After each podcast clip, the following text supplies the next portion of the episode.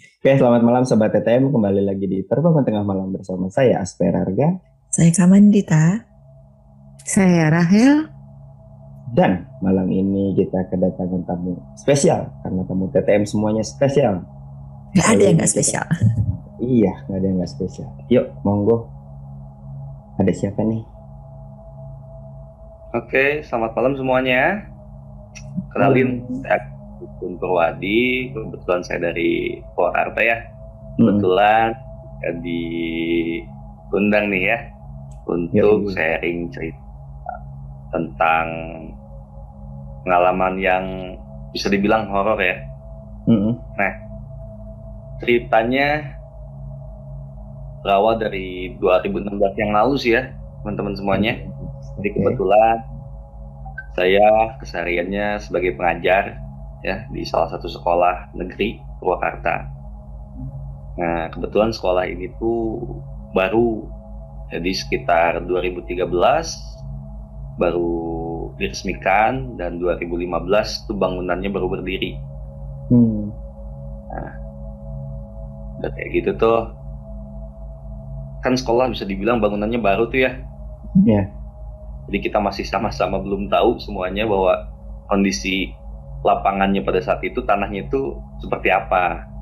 Nah, jadi pada saat aktivitas KBM baru berjalan sekitar 2-3 minggu, nah barulah muncul kejanggalan-kejanggalan. Jadi kayak anak-anak yang sering kesurupan, Hmm. terus eh, penjaga malam yang biasa menginap juga sering mendengar suara-suara kayak gitulah ya.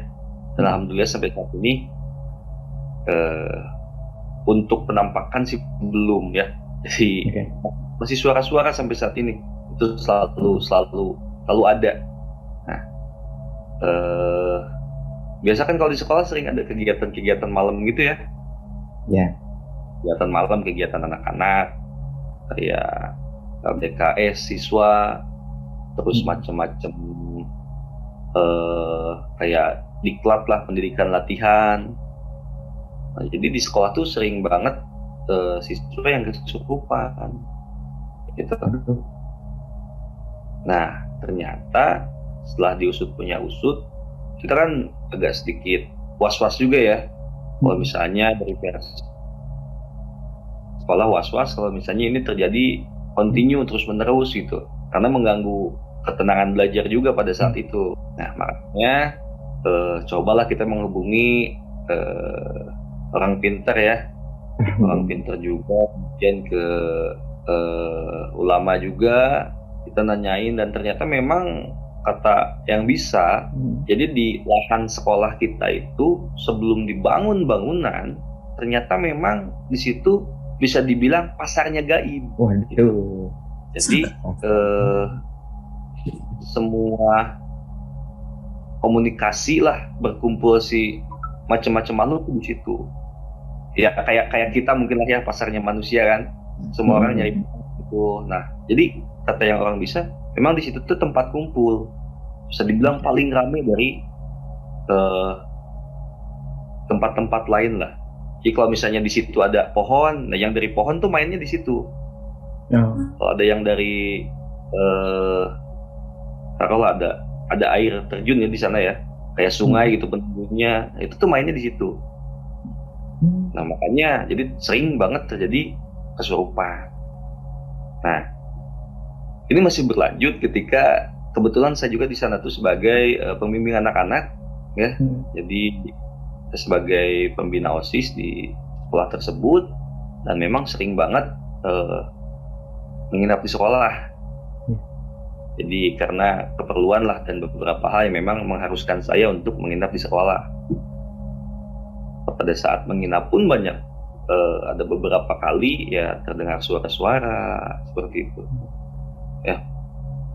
Bahkan eh, sering terjadilah kalau suara-suara seperti itu. Seperti meja bergeser Ah, kemudian eh kursi dengan kursi kayak beradu gitu Hmm. nah suara-suara kayak gitu sering muncul Hmm. Eh, ditambah lagi memang sekolah kita itu agak jauh dari pemukiman. Oke. Jadi tidak berdekatan dengan rumah warga, tapi memang ada di lahan khusus yang dulunya itu lahan perhutani. Jadi eh, lahan perhutani yang diperuntukkan pemerintah itu ya bolehlah dibangun sekolah di situ. Gitu ya. Artinya memang eh, sedikit jauh dari pemukiman. Gitu.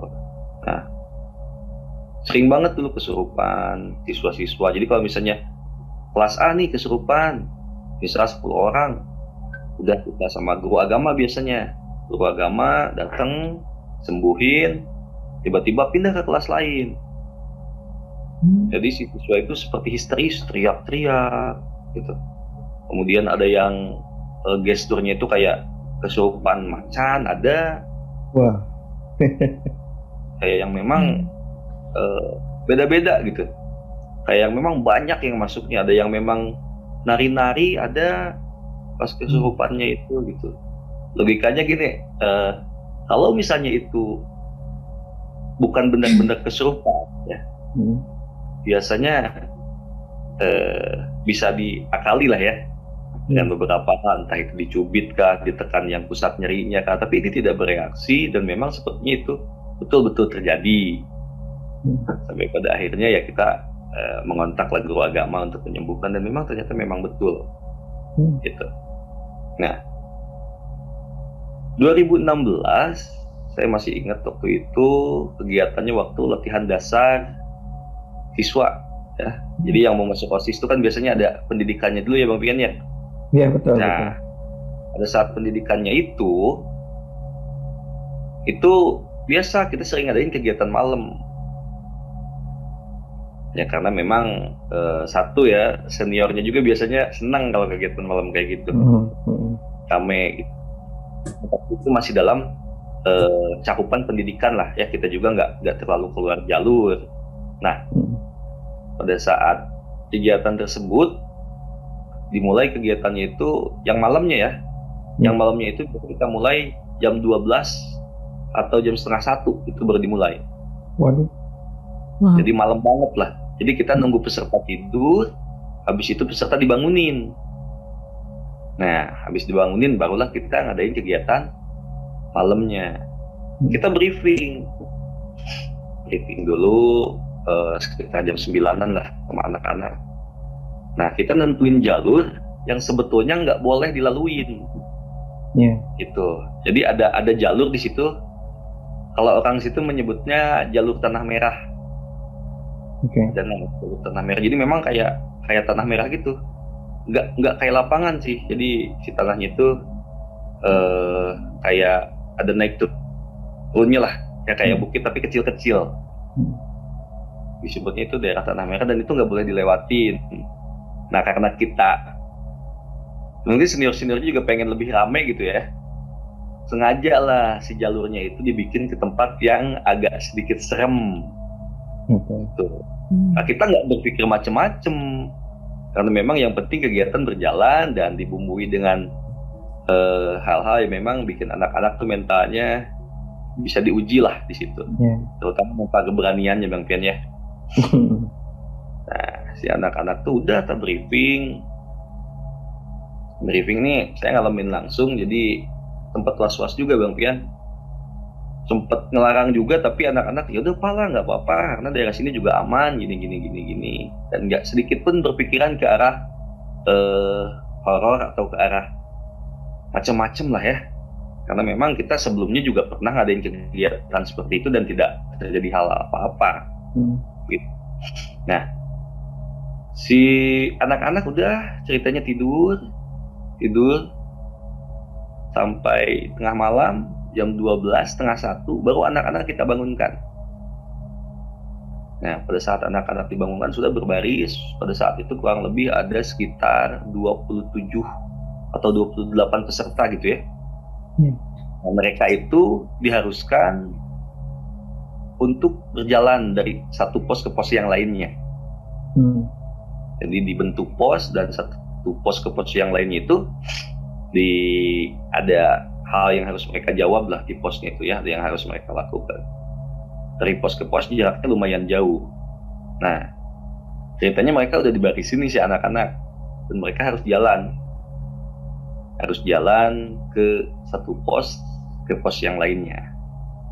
Mereka hanya dibekali lilin saja. Jadi tidak membawa senter Oke. gitu. Mereka hanya bawa lilin satu batang lilin dan tiga batang korek api. Gitu. Jadi mereka jalan. Nah masuklah peserta yang pertama. Peserta yang pertama masuk plek jalan dia. Udah. Kemudian peserta yang kedua jalan. Nah justru yang terjadi mungkin ya ini aktivitas horornya itu terjadi di sini. Jadi pada saat peserta pertama jalan menuju pos pertama dia masih ada. Nah pada saat dari pos pertama ke pos kedua itu memang ada jalur yang melewati perkebunan singkong. Nah ada ada jalur melewati perkebunan singkong dan di situ tuh ada pemakaman warga yang kurang lebih ada sekitar 50 50 pemakaman lah di sebelum masuk ke dua itu. Jadi si anak itu harus ngelewatin perkebunan singkong, kemudian ada pemakaman di situ, barulah setelah pemakaman mereka bisa masuk ke pos kedua. Oh. Nah, di pos pertama si anak yang pertama ini di pos pertama masih ada, tapi pas menuju pos kedua itu si anak tidak sampai, Hmm. tidak sampai si anak. Nah, sedangkan peserta yang nomor 2 sampai terakhir itu, yang nomor 2 dan selanjutnya 2, 3, 4, 5, itu ke Hmm. pos 1 ada, pos 2 dia nyampe, sampai pos terakhir, pos 4 mereka ada. Eh. Otomatis kan, saya selaku pembimbing pada saat itu, eh, khawatir lah. Jadi, ini satu ke mana gitu. Sampai-sampai saya harus muter ke empat pos untuk nyari ya malam-malam saya nyari masih ingat dengan eh, rekan saya guru juga dua orang kita nyari muter. Dari sekolah kita ke pos 1 dari pos 1 ke pos 2 pos 3 sampai kita tiga kali balik lah. Hmm. jadi tiga kali balikan muter-muter nyari kemudian anak-anak juga dikerahkan semuanya bawa senter sementara kita cari. Itu kita nyari dari jam setengah dua sampai jam tiga nggak ketemu kita panik mau nelpon orang tuanya tapi itu kan tanggung jawab kita. Iya. akhirnya sama-sama sepakat bahwa udahlah kita tanggung jawab dari sekolah dulu kita berusaha untuk mencari si peserta yang hilang tersebut. Hmm. pada saat itu sampai tiga kali putaran kita nyari setiap jalur kita nggak nemu. Sampai pada akhirnya mau mendekati subuh sekitar setengah empat itu semua peserta udah kumpul ya dari nomor 3 sampai ke 27 itu udah kumpul di pos terakhir nah pada saat jam setengah empat mendekati subuh barulah si peserta yang nomor pertama itu dia datang No? Kemudian kita kan kaget lah. Namanya Putri namanya. Oh cewek. Pada saat cewek. Namanya Putri. Nah, pada saat itu kita kan jadi bingung juga ditanya, Putri kamu ke mana? Kita nyari-nyari, enggak pak ada kok. Dari tadi Putri nyari jalan. Eh. Gitu. Dari tadi Putri nyari jalan tapi nggak ketemu-ketemu. Terus panitia juga nggak ada. Udahlah, ya udah agak curiga di situ. Hmm. Nah, udahlah ceritanya. Si anak-anak yang lain disuruh masuk ke ruangannya masing-masing. Ini udah selesai ceritanya, masuk persiapan sholat subuh. Nah kita ajak dulu lah si satu orang itu ke ruangan guru. Hmm. Dan ditanya, kita nanya kan, Putri ke mana? Pada saat eh, masuk pos pertama, Putri masuk, tapi kenapa di pos kedua nggak ada? Nah, kita tanya seperti itu dan Putri pun juga jawabnya kayak gini, Pak, dari pos satu tuh Putri udah jalan sesuai jalur Hmm. di perkebunan singkong tuh Putri muter-muter. Eh. Di situ nggak nemu panitia, di situ nggak nemu lampu, nggak nemu lilin, dan di situ gelap. Putri nggak nemu apa-apa. Jadi pas mau jalan tuh Putri keliling-keliling di kebun singkong. Ya Nah padahal pada saat itu saya nyari-nyari di kebun singkong itu lewat beberapa kali. Bahkan di situ panitia pun banyak. Hmm. Nah si anak ini ngomong gitu bahwa dia itu di kebun singkong.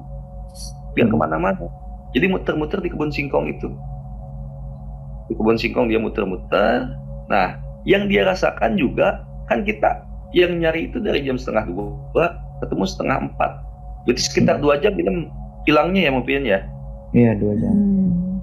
sekitar dua jam tapi dia ngerasa hanya sekitar 5 sampai 10 menit dia di perkebunan singkong Oh. Mm-mm. jadi kayak yang ngerasa nggak lama padahal itu kita cari cukup lama jadi pas ditanya nggak lama deh pak di kebun singkong juga cuma muter-muter sebentar tiba-tiba pas mau keluar nemu lampu itu udah deket sama sekolah gitu jadi dia ngelewatin tiga pos selanjutnya Iya, iya. Jadi pada saat mau subuh tuh dia keluar tiba-tiba dekat sekolah. Dan itu entah jalur dari mana karena memang di jalur tidak ada. Harusnya dari kebun singkong itu melewati ya tadi dulu ada pemakaman, kemudian ada eh, apa namanya sawah. Jadi nanti kita lewat pematang sawah gitu. Jadi jalan di pertengahan sawah, barulah kita bisa sampai sekolah. Dan ini enggak. Jadi si dia itu dari dari si anak ini dari kebun singkong, kemudian dia lihat lampu, kemudian pada saat masuk langsung ke dekat sekolah. Ya. Nah di situ saya berpikir oh jangan-jangan ini memang eh, ada ada hal-hal gaib juga gitu, karena memang nggak masuk akal. Hmm. Sudah dicari beberapa kali, kemudian eh, kita udah muter-muter juga, tapi si anak ngomongnya ada di lokasi itu dan kita udah nyari di lokasi itu sama sekali nggak ada. Mm-mm. jadi bisa jadi saya berpikir bahwa oh, ini ada ada hal-hal gaib memang. Percaya atau tidak ya memang itu benar-benar terjadi. Dan saya pada saat itu memang ada di lapangan. Hmm. Penampakan sendiri nggak ada tapi saya rasa ini lebih kaget. Anak orang loh hampir hilang. Kalau nggak balik lagi. Nggak balik lagi bingung masalahnya diculik masih mending ya kalau sama orang kan hal-hal kayak gitu nggak bisa jawab bang Pian ini yang bikin saya khawatir pada saat itu ini lebih serem daripada penampakan mungkin ya Ini tahun jawabnya gede soalnya. Tanggung jawab Hmm. soalnya. Nah setelah itu kita briefing, kumpulin panitia-panitia setelah terjadi hal ini. Ternyata ada panitia yang iseng nebar kamper. Hmm. Terus terus. Jadi ada panitia yang iseng nebar kamper di dekat eh, pemakamannya. Ya, Tapi itu nggak konfirmasi sama saya mbak. ya ampun, Jadi- iseng. itu itu panitia. Jadi pada saat ditanya ini terjadi kayak gini gimana? Padahal kita udah udah briefing gini gini gini. Ternyata ya pak mohon maaf pada saat pada saat evaluasinya itu habis kegiatan malam itu salah satu siswa ya pak maaf eh, saya nggak bilang dulu. Soalnya saya teh eh, tebar kamper di dekat kebun singkong gitu. Jadi si anak tersebut bawa kamper, dia hancurin, dia sebar-sebar lah kampernya dekat perkebunan singkong sama dekat pemakaman itu. Hmm. Nah mungkin bisa terjadi itu karena itu. Oke. Akhirnya ya mau tidak mau sudahlah ya eh, kegiatan selesai dan pengalaman juga buat saya artinya harus lebih baik lagi dan Hmm. ya sesuatu apalagi hubungannya dengan eh, anak-anak gitu. Hmm.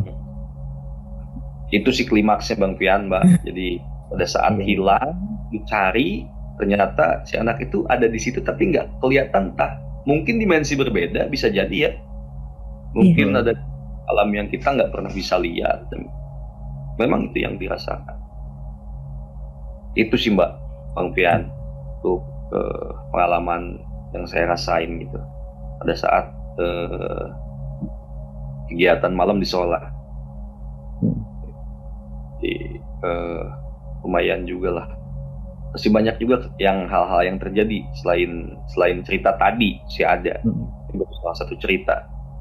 Kadang-kadang kalau kalau dulu sering banget ya sekolah bekas kuburan segala macam dan memang karena mungkin setiap malamnya kosong, Hmm. jadi selalu ada ada hal-hal yang terjadi di sekolah. Hmm. Ada selalu ada. Eh, sempat juga Bang Pian, masih pas kegiatan LDKS juga. Hmm. semua anak-anak itu pada saat itu ada di masjid Oke. anak-anak itu pada saat itu semuanya di masjid habis sholat isya jadi ngadain ceramah dulu dan semuanya di sana. Tiba-tiba ada satu panitia perempuan masuk ke ruangan panitia. Ucap salam dia kan sambil lari buka pintu assalamualaikum. Itu di belakang lemari ada yang jawab waalaikumsalam suaranya perempuan dan pada saat itu tidak ada siapa-siapa itu anak langsung nangis histeris. Wah, Merinding. kaget wah assalamualaikum itu di belakang lemari dan pada saat dia masuk pas masuk gak ada orang kaget. Lari nangis dia. Lari Tapi memang di, di ruang osisnya memang nggak ada orang ya. nggak ada nggak ada. Nggak ada Oke. sama. Karena memang semua panitia udah diarahin buat masuk ke masjid. Mhm. Di- eh, pada saat di namanya Zahra itu ya cewek Zahra namanya dia masuk itu ada yang jawab tiba-tiba kaget nangis dia langsung lari ke saya. Pak pak pak kenapa kamu Zahra itu pak? Di ruang osis kenapa ruang osis ada yang jawab salam ya kata saya kan ya nggak apa-apa bagus kenapa emangnya nggak apa tapi nggak ada orang kaget juga itu ya jawab cewek apa cowok suaranya? Jawab perempuan, Mbak. Jawab perempuan. Mm. Jadi soalnya dari dari ruangan OSIS ke belakang itu ada beberapa kelas. Nah, itu yang sering interaksinya perempuan Hmm. suara-suaranya. Jadi pada saat Hmm. eh, bilang assalamualaikum, jawab waalaikumsalam. Jelas banget suaranya perempuan. Dan memang ke, ke, eh, ke aduh, agak merinding juga nih ya. Jadi eh, dari ruang osis ke sebelahnya itu itu masing-masing ruangan pernah ada ceritanya bang Pian. Mhm. Jadi di ruangan osis ke pinggirnya itu, nah di situ ada ada lab ya, Mhm. lab jurnal akuntansi di situ. Nah di lab itu juga sama sering banyak suara-suara. Pernah pada situ nginap bareng anak-anak ada suara meja-meja kegeser, tak tak Hmm. tak tak. Kemudian ada uh, kursi kayak diseret, gitu. Kemudian sebelahnya lagi ada ruang UKS. Nah kalau di ruang UKS ini yang agak-agak agak eh, anak juga sih yang lihat ya. Mhm. Jadi pada saat itu eh, kondisinya udah mau tidur, kebetulan kurang kasur di ruangan. Oh. Hujan waktu itu dan rintik-rintik lah, Hmm. Ya karena kegiatan itu pas pada saat musim hujan waktu itu. Eh, karena kurang kasur kan di UKS banyak nih. Ceritanya saya suruh ke anak laki-laki namanya Aji. Ji, ambil kasur di ruang PMR. Ini kuncinya. Soalnya kita kurang kasur siapa? Dia masuk, dia ngambil kunci jalan masuk ke ruang PMR. Pas buka pintu, Hmm. pas dia buka, eh, diam lama, diam lama. Hmm. Jadi pas buka pintu, teh, diam lama. Dipanggil, Ji, cepet. Barulah dia ngambil kasur, cepet-cepet dia kunci langsung masuk ke ruang osis. Sampai ruang osis dia diem. Eh. Gak ngomong sepatah kata pun. Hmm. Ji, Aji kenapa? Diem. Pas digoyang-goyang badannya, Aji kenapa? Aji kenapa? Baru dia gini. Gak pak. Eh, tadi Aji di ruang PMR lihat sesuatu. Emang lihat apa? Pada saat buka pintu, itu itu kan ada sambaran kilat. Nah di belakang itu ada, Oh. Ada jendela. Oke. Nah pada saat ada sambaran kilat di jendelanya itu ada ada kayak kepala perempuan gitu. Ah. Kelihatan banget dan dia bilang langsung besoknya Pak mau ada kasut ruangan itu tadi. Jadi saya nggak mau lagi masuk ruangan itu. Hmm. memang eh, kaget pak. Jadi pada saat buka pintu ada sambaran kilat, pas itu mah pintu dibuka dia lihat langsung ke jendela. Mhm. Pada saat itu langsung dibuka lihat ke jendela ada kayak lagi nongol gitu. Jadi istilahnya pasti si anak kaget banget. ngintip gitu ya. Hmm, kayak Aku merinding. itu memang malam situasinya malam. Itu sekitar jam setengah sebelas. Karena memang sering juga nginep di sekolah karena kegiatan-kegiatan lah mau nggak mau tuntutan tugas. Jadi berani nggak berani harus gitu. Nah, itu itu ruangan sebelas itu itu interaksinya perempuan dari mulai suara yang anak-anak lihat kemudian pada saat mengajar siang ini siang mengajar siang. Oke. siang ceritanya ada guru bahasa Indonesia. Dia Hmm. ngajar. Nah pada saat ngajar tuh anak-anak tuh dengar. Bu kayak ada suara yang nangis. Gitu tak Hmm. jelas perempuan. Itu anak-anak dengar semua siang bang Pian. Hmm. itu sekitar jam berapa ya waktu itu? Sebelum lari lah saya waktu inget saya pernah ingat tuh jam, jam 10-an kalau nggak salah. Setelah istirahat ngajar tiba-tiba anak-anak tuh kayak dengar suara bu kayak ada yang nangis di luar. Nah kata si ibu yang ngajar itu nggak ada kalian salah dengar. Enggak bu jelas. Enggak ibu kan dengar. Lama kelamaan si suara itu tuh kayak masuk ke kelas. Suaranya tuh dari luar kayak masuk dan kayak muter dalam kelas. Wah. guru bahasa Indonesia nya itu satu kelas lah. Satu kelas anak-anak lah.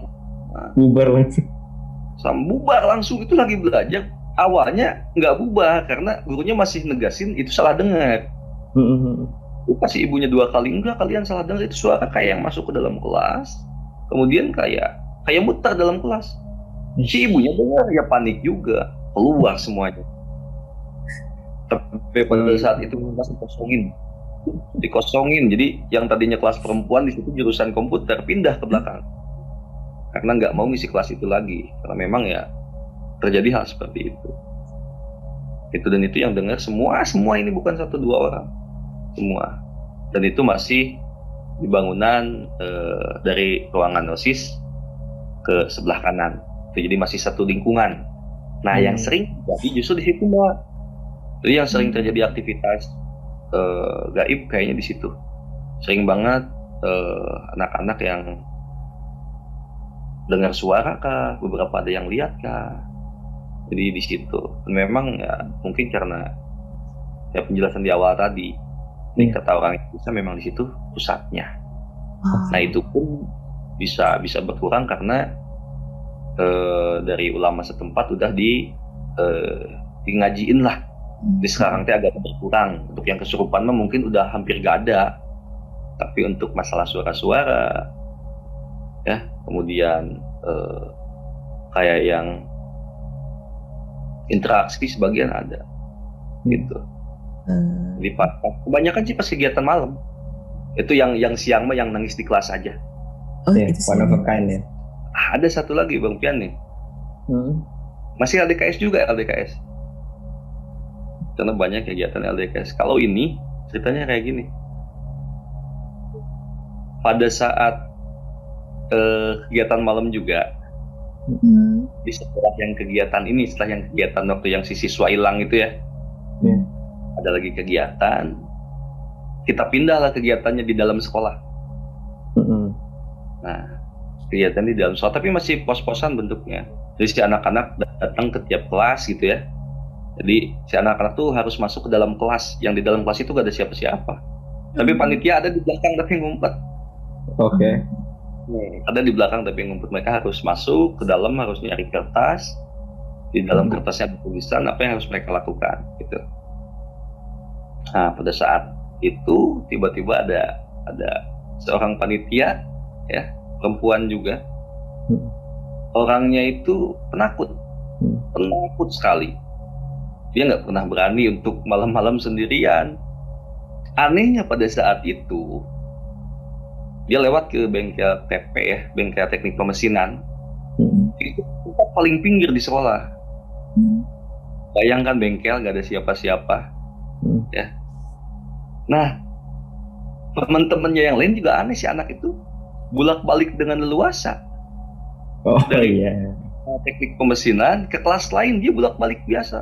Padahal dia Hmm. bolak-balik ke kelas yang bawah, yang jauh dari panitia berkumpul. Selesai ceritanya. Habis itu beres kegiatan.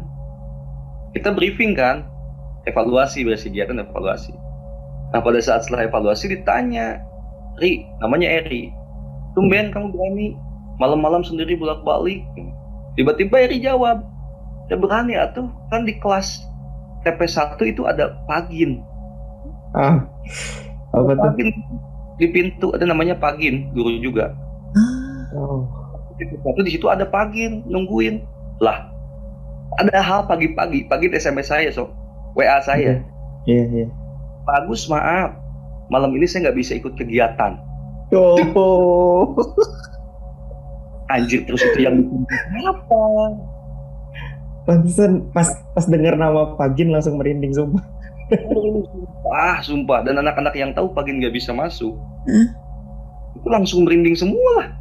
orang jelas-jelas pagi ngasih tahu pagi-paginya nggak WA nggak bisa masuk nggak bisa ikut kegiatan malam ini tapi tiba-tiba dengan lantangnya Eri bilang ya, ya kenapa mesti takut kan pagi ada di pintu malah dia senyum-senyum lagi Cina Astaga. jadi kaget juga merinding kaget sekaligus si anak juga pasti kasih tahu baru lagi nangis. Wah, kita lihat WA-nya terus tadi siapa nangis di situ? Oh, ya udah ya udah sok sok sok ditemenin sama teman-temannya jadi eh, kaget juga sekaligus eh, horor banget lah. Pada saat orang nggak bisa datang tapi tiba-tiba sosoknya ada di situ. Iya. Ya, ah, pokoknya itulah mungkin beberapa cerita yang sempat saya rasakan sendiri ya Hmm, kemudian ya, ya Mantap. pada saat kegiatan malam di sekolah Ini ada yang bikin penasaran satu. Kenapa Marhel dari tadi senyum-senyum? Aku curiga. Hah? Nggak biasanya Marhel dengerin cerita sambil senyum-senyum tuh nggak biasanya. ada apa nih? Ada apa nih Mbak? Ada emang cerita lagi? rame sih. rame ya. Anyway, mau tanya mengenai masalah pagin. Hmm. Hmm, apa ya? Eh, pagin ini adalah tipe orang yang perhatian ke anak-anak murid nggak sih? Yang sayang sama anak-anak murid nggak sih? Pagin perhatian tapi tegas beliau orangnya tegas Tapi Sama dia anak-anak. sayang anak-anak ya. dekat juga sama anak-anak dekat sama anak-anak kemudian beliau juga salah satu pembimbing di ekskul pramuka jadi Oke. eh, dekat lah sama anak-anak gitu karakternya kayak gitu sih mbak untuk sikapnya ya karakternya baik dekat sama anak-anak Hmm, berarti tervalidasi. Waduh, penasaran. Ada apa dengan Pak Gin? Mari kita tunggu sebentar lagi. Oke, itu adalah cerita dari Pak Agus. Mari kita telaah. Ada Cuman apa sebenarnya? Ada apa? Cuman beberapa kejadian mungkin karena udah sering tapping karena dari April ya tapping TTM lihat video-video TTM jadi kayak oh ini case-nya kayaknya sama deh. Tapi lebih asik nanyanya langsung ke Ya. Rahel. Sebenarnya udah ini ya, udah beberapa eh, kru TTM, ya kru TTM nih kalau ngomongnya. Kita semua udah udah bisa mengira ya, maksudnya dari Hmm. yang kejadian awal itu kan itu udah pasti dia masuk ke dunia astral itu udah pasti. Ya, lintas dimensi. ya. Heeh. Cuman kan sebenarnya yang yang bikin penasaran siapakah sebenarnya Agin yang ada di sekolah itu? Ih, Ya kan, kan yang bikin Wow. banget penasaran kan. Bikin langsung merinding. Apa? beda loh, berindingnya beda bener. udah lima tahun yang lalu itu belum kejawab belum Lima kejawab tahun lalu belum ada TTM ya. Iya. belum ada Gak apa. Itu memang Pagin. Itu memang pagin Yang bener mbak. Pecah raga. oh Jadi pecah raga itu bisa terjadi dua hal. Pertama, memang punya keilmuan yang tinggi. Yang kedua, dia punya perasaan yang kuat terhadap seseorang. Makanya tadi kan sebelumnya aku sempat tanya, apakah Pak Agin tuh sayang kepada anak-anak di sana? Perhatiannya penuh. Itu bisa. nah purely purely dari hati dia bisa. Mungkin di saat dia dia izin tidak bisa mengikuti acara itu, di saat itulah dia terpikir, nih anak-anak lagi ngapain nih ya? Gila. Dan perasaan yang kuat itu bisa membuat sedul papat timo pancarnya itu salah satu keluar ke sana Oke. untuk tujuannya untuk melindungi atau men- sekedar menemani lah. Jadi perasaan anak-anak yang dia sayang, murid-murid yang dia sayang itu Tenang. lebih tenang. Masya Allah. oke Dan memang Itu kan. iya kan, eh, tadi siapa namanya Eri ya Eri jadi lebih eh, leluasa tadi kalau kata Pupun leluasa dia karena merasa di situ ada Pak Agin Mm. oh Mungkin Pagin sendiri juga kalau ditanya Pagin punya ilmu pecarangan. Enggak, saya nggak bisa apa-apa.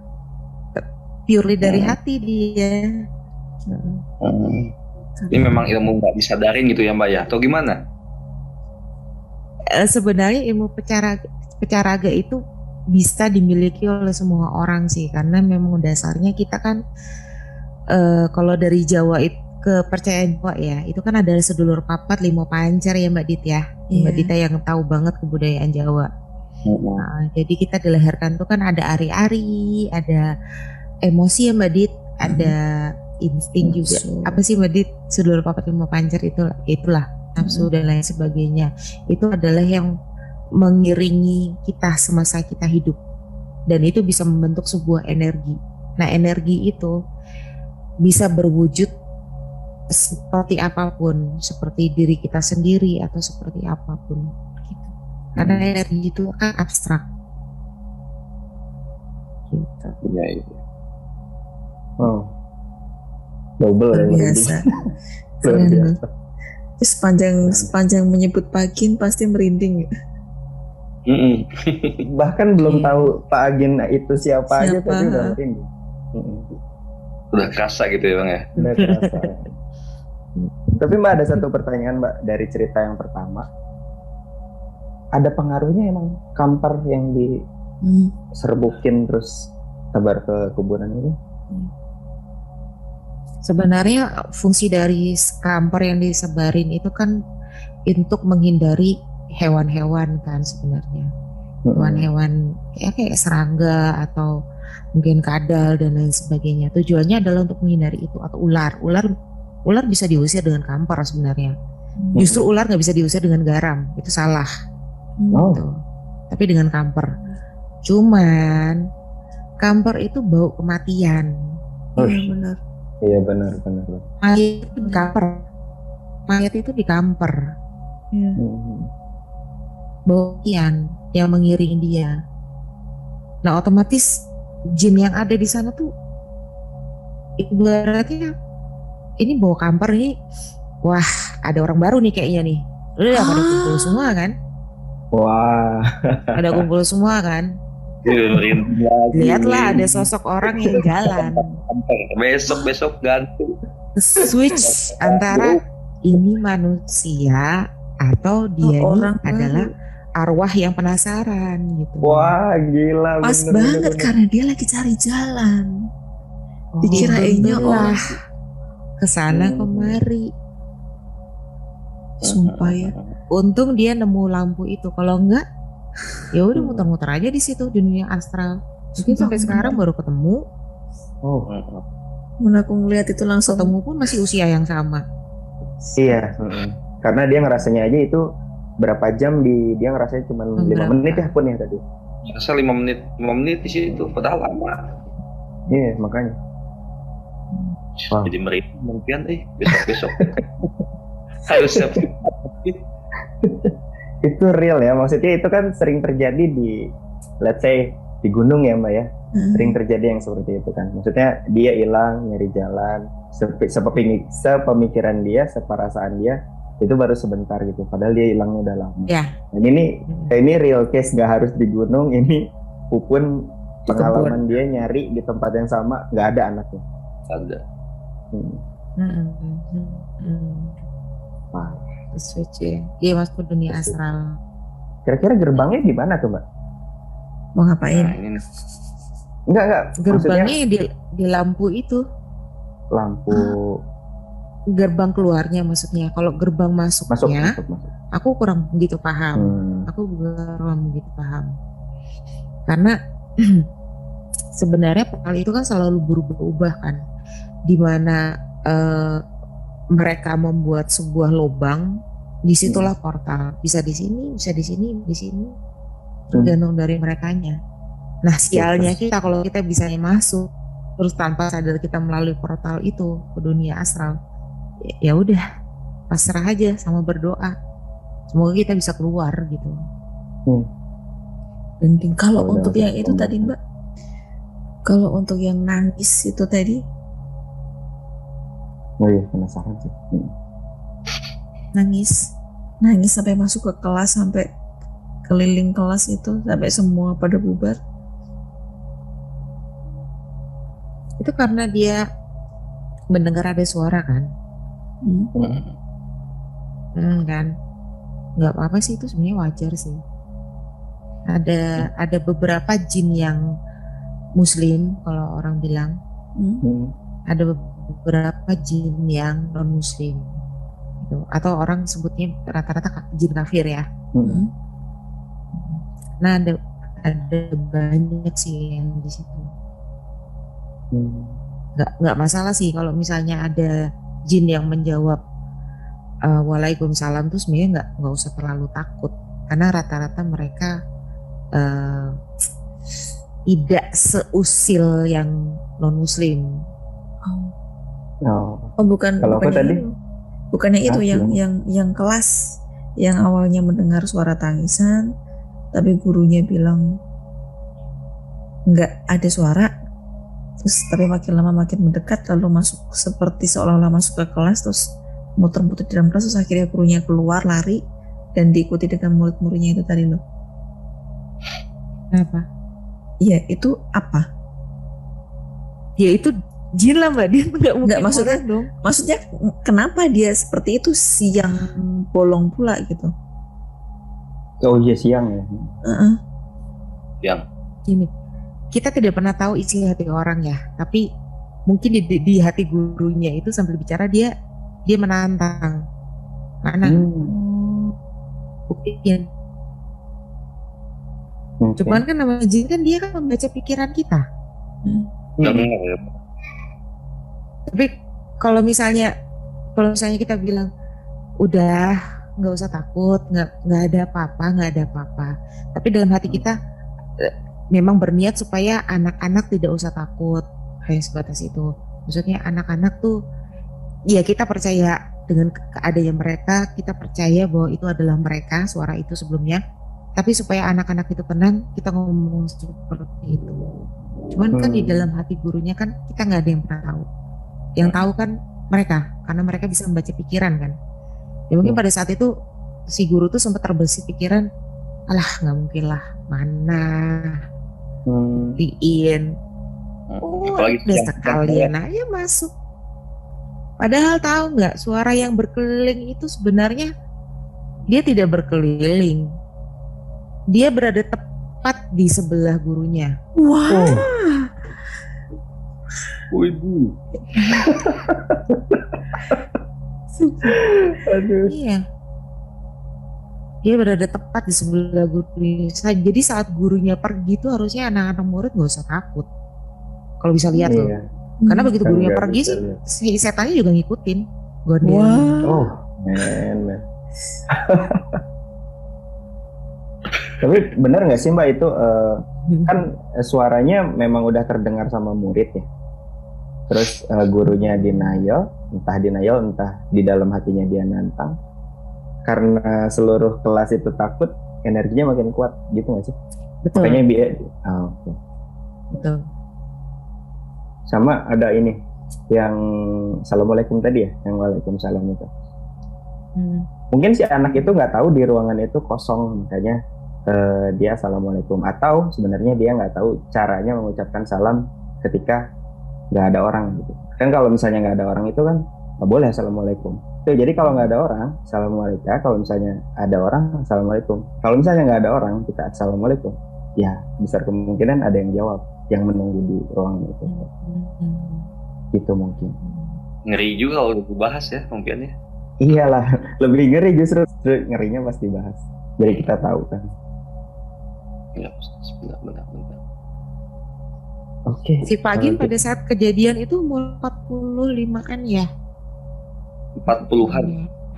tapi persisnya Puluhan kurang ya? tahu 40 berapa. Nah, 40 tapi persisnya nggak tahu. Pokoknya 40 lah, udah nginjak 40-an Mbak Hmm. pada saat itu. Betulan rekan kerja deket juga sih. Jadi sering bareng ngasuh anak-anak lah. Hmm. gitu. Oke, seru sekali pembahasan malam ini dan cerita dari Mas Upun. Padahal cerita tentang sekolah itu banyak ya. Tapi kalau horornya Hmm. jangan ditanya. Seru. Sebenarnya Iya. di mana pun kita berada, nggak di gunung, nggak di sekolah, nggak di rumah kosong, nggak di mungkin bangunan-bangunan bersejarah, ya semua ada sensasinya. Tinggal balik lagi selera bukan sih? Kalau masalah horor kayak gini.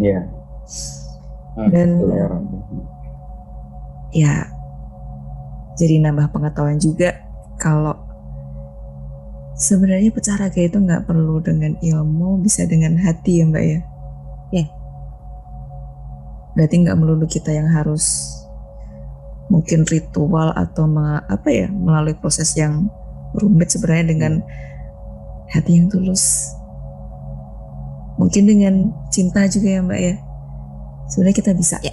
karena sebenarnya memang kayaknya setauku untuk kayak gitu memang harus ngasah nurani ya mbak ya nggak sih Betul.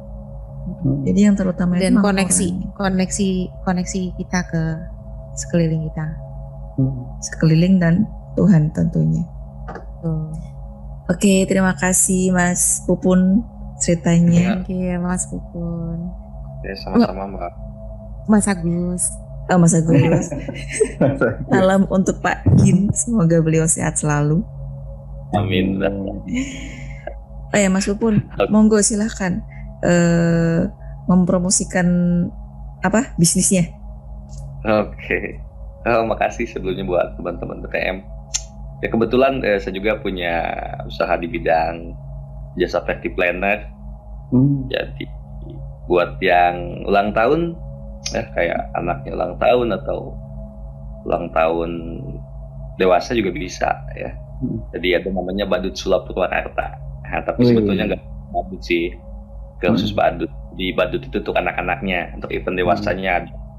Eh, jadi kalau misalnya ada rencana untuk membuat acara party planner untuk anak-anak maupun yang dewasa boleh tinggal hubungi aja Badut Sulap Purwakarta Instagramnya ada Oke. Ya. Instagramnya cakupan mana aja eh, sekitar Jawa Barat nyampe jadi Oke. di mana pun Jawa Barat nyampe ya asal tinggal kontak-kontak aja jadi Hmm. namanya aja Badut Sulap Purwakarta tapi kalau ada di Bandung ya kita berangkat kemarin sempat ke Garut berangkat juga ya wow jadi ke mana aja itu ulang tahun TTM nanti sulapnya menghadirkan sosok hantu gitu bisa kali ya Uh. Seru banget oke kayaknya segitu dulu aja dari kita ya terima kasih Mas Agus Pupun atas ceritanya Iya. dan waktunya untuk Sobat TTM jangan lupa dukung kami terus jangan lupa subscribe share dan komen tentunya untuk pendukung kami supaya TTM makin makin apa Mas Jan? Makin sukses lah, makin Oke. besar. Amin. Amin amin amin amin. Nah. Oke, sampai ketemu di episode yang berikutnya. Terbangun tengah malam. Mari bercerita. Mari kita bahas bersama. Sampai Dadah. jumpa. Sampai jumpa.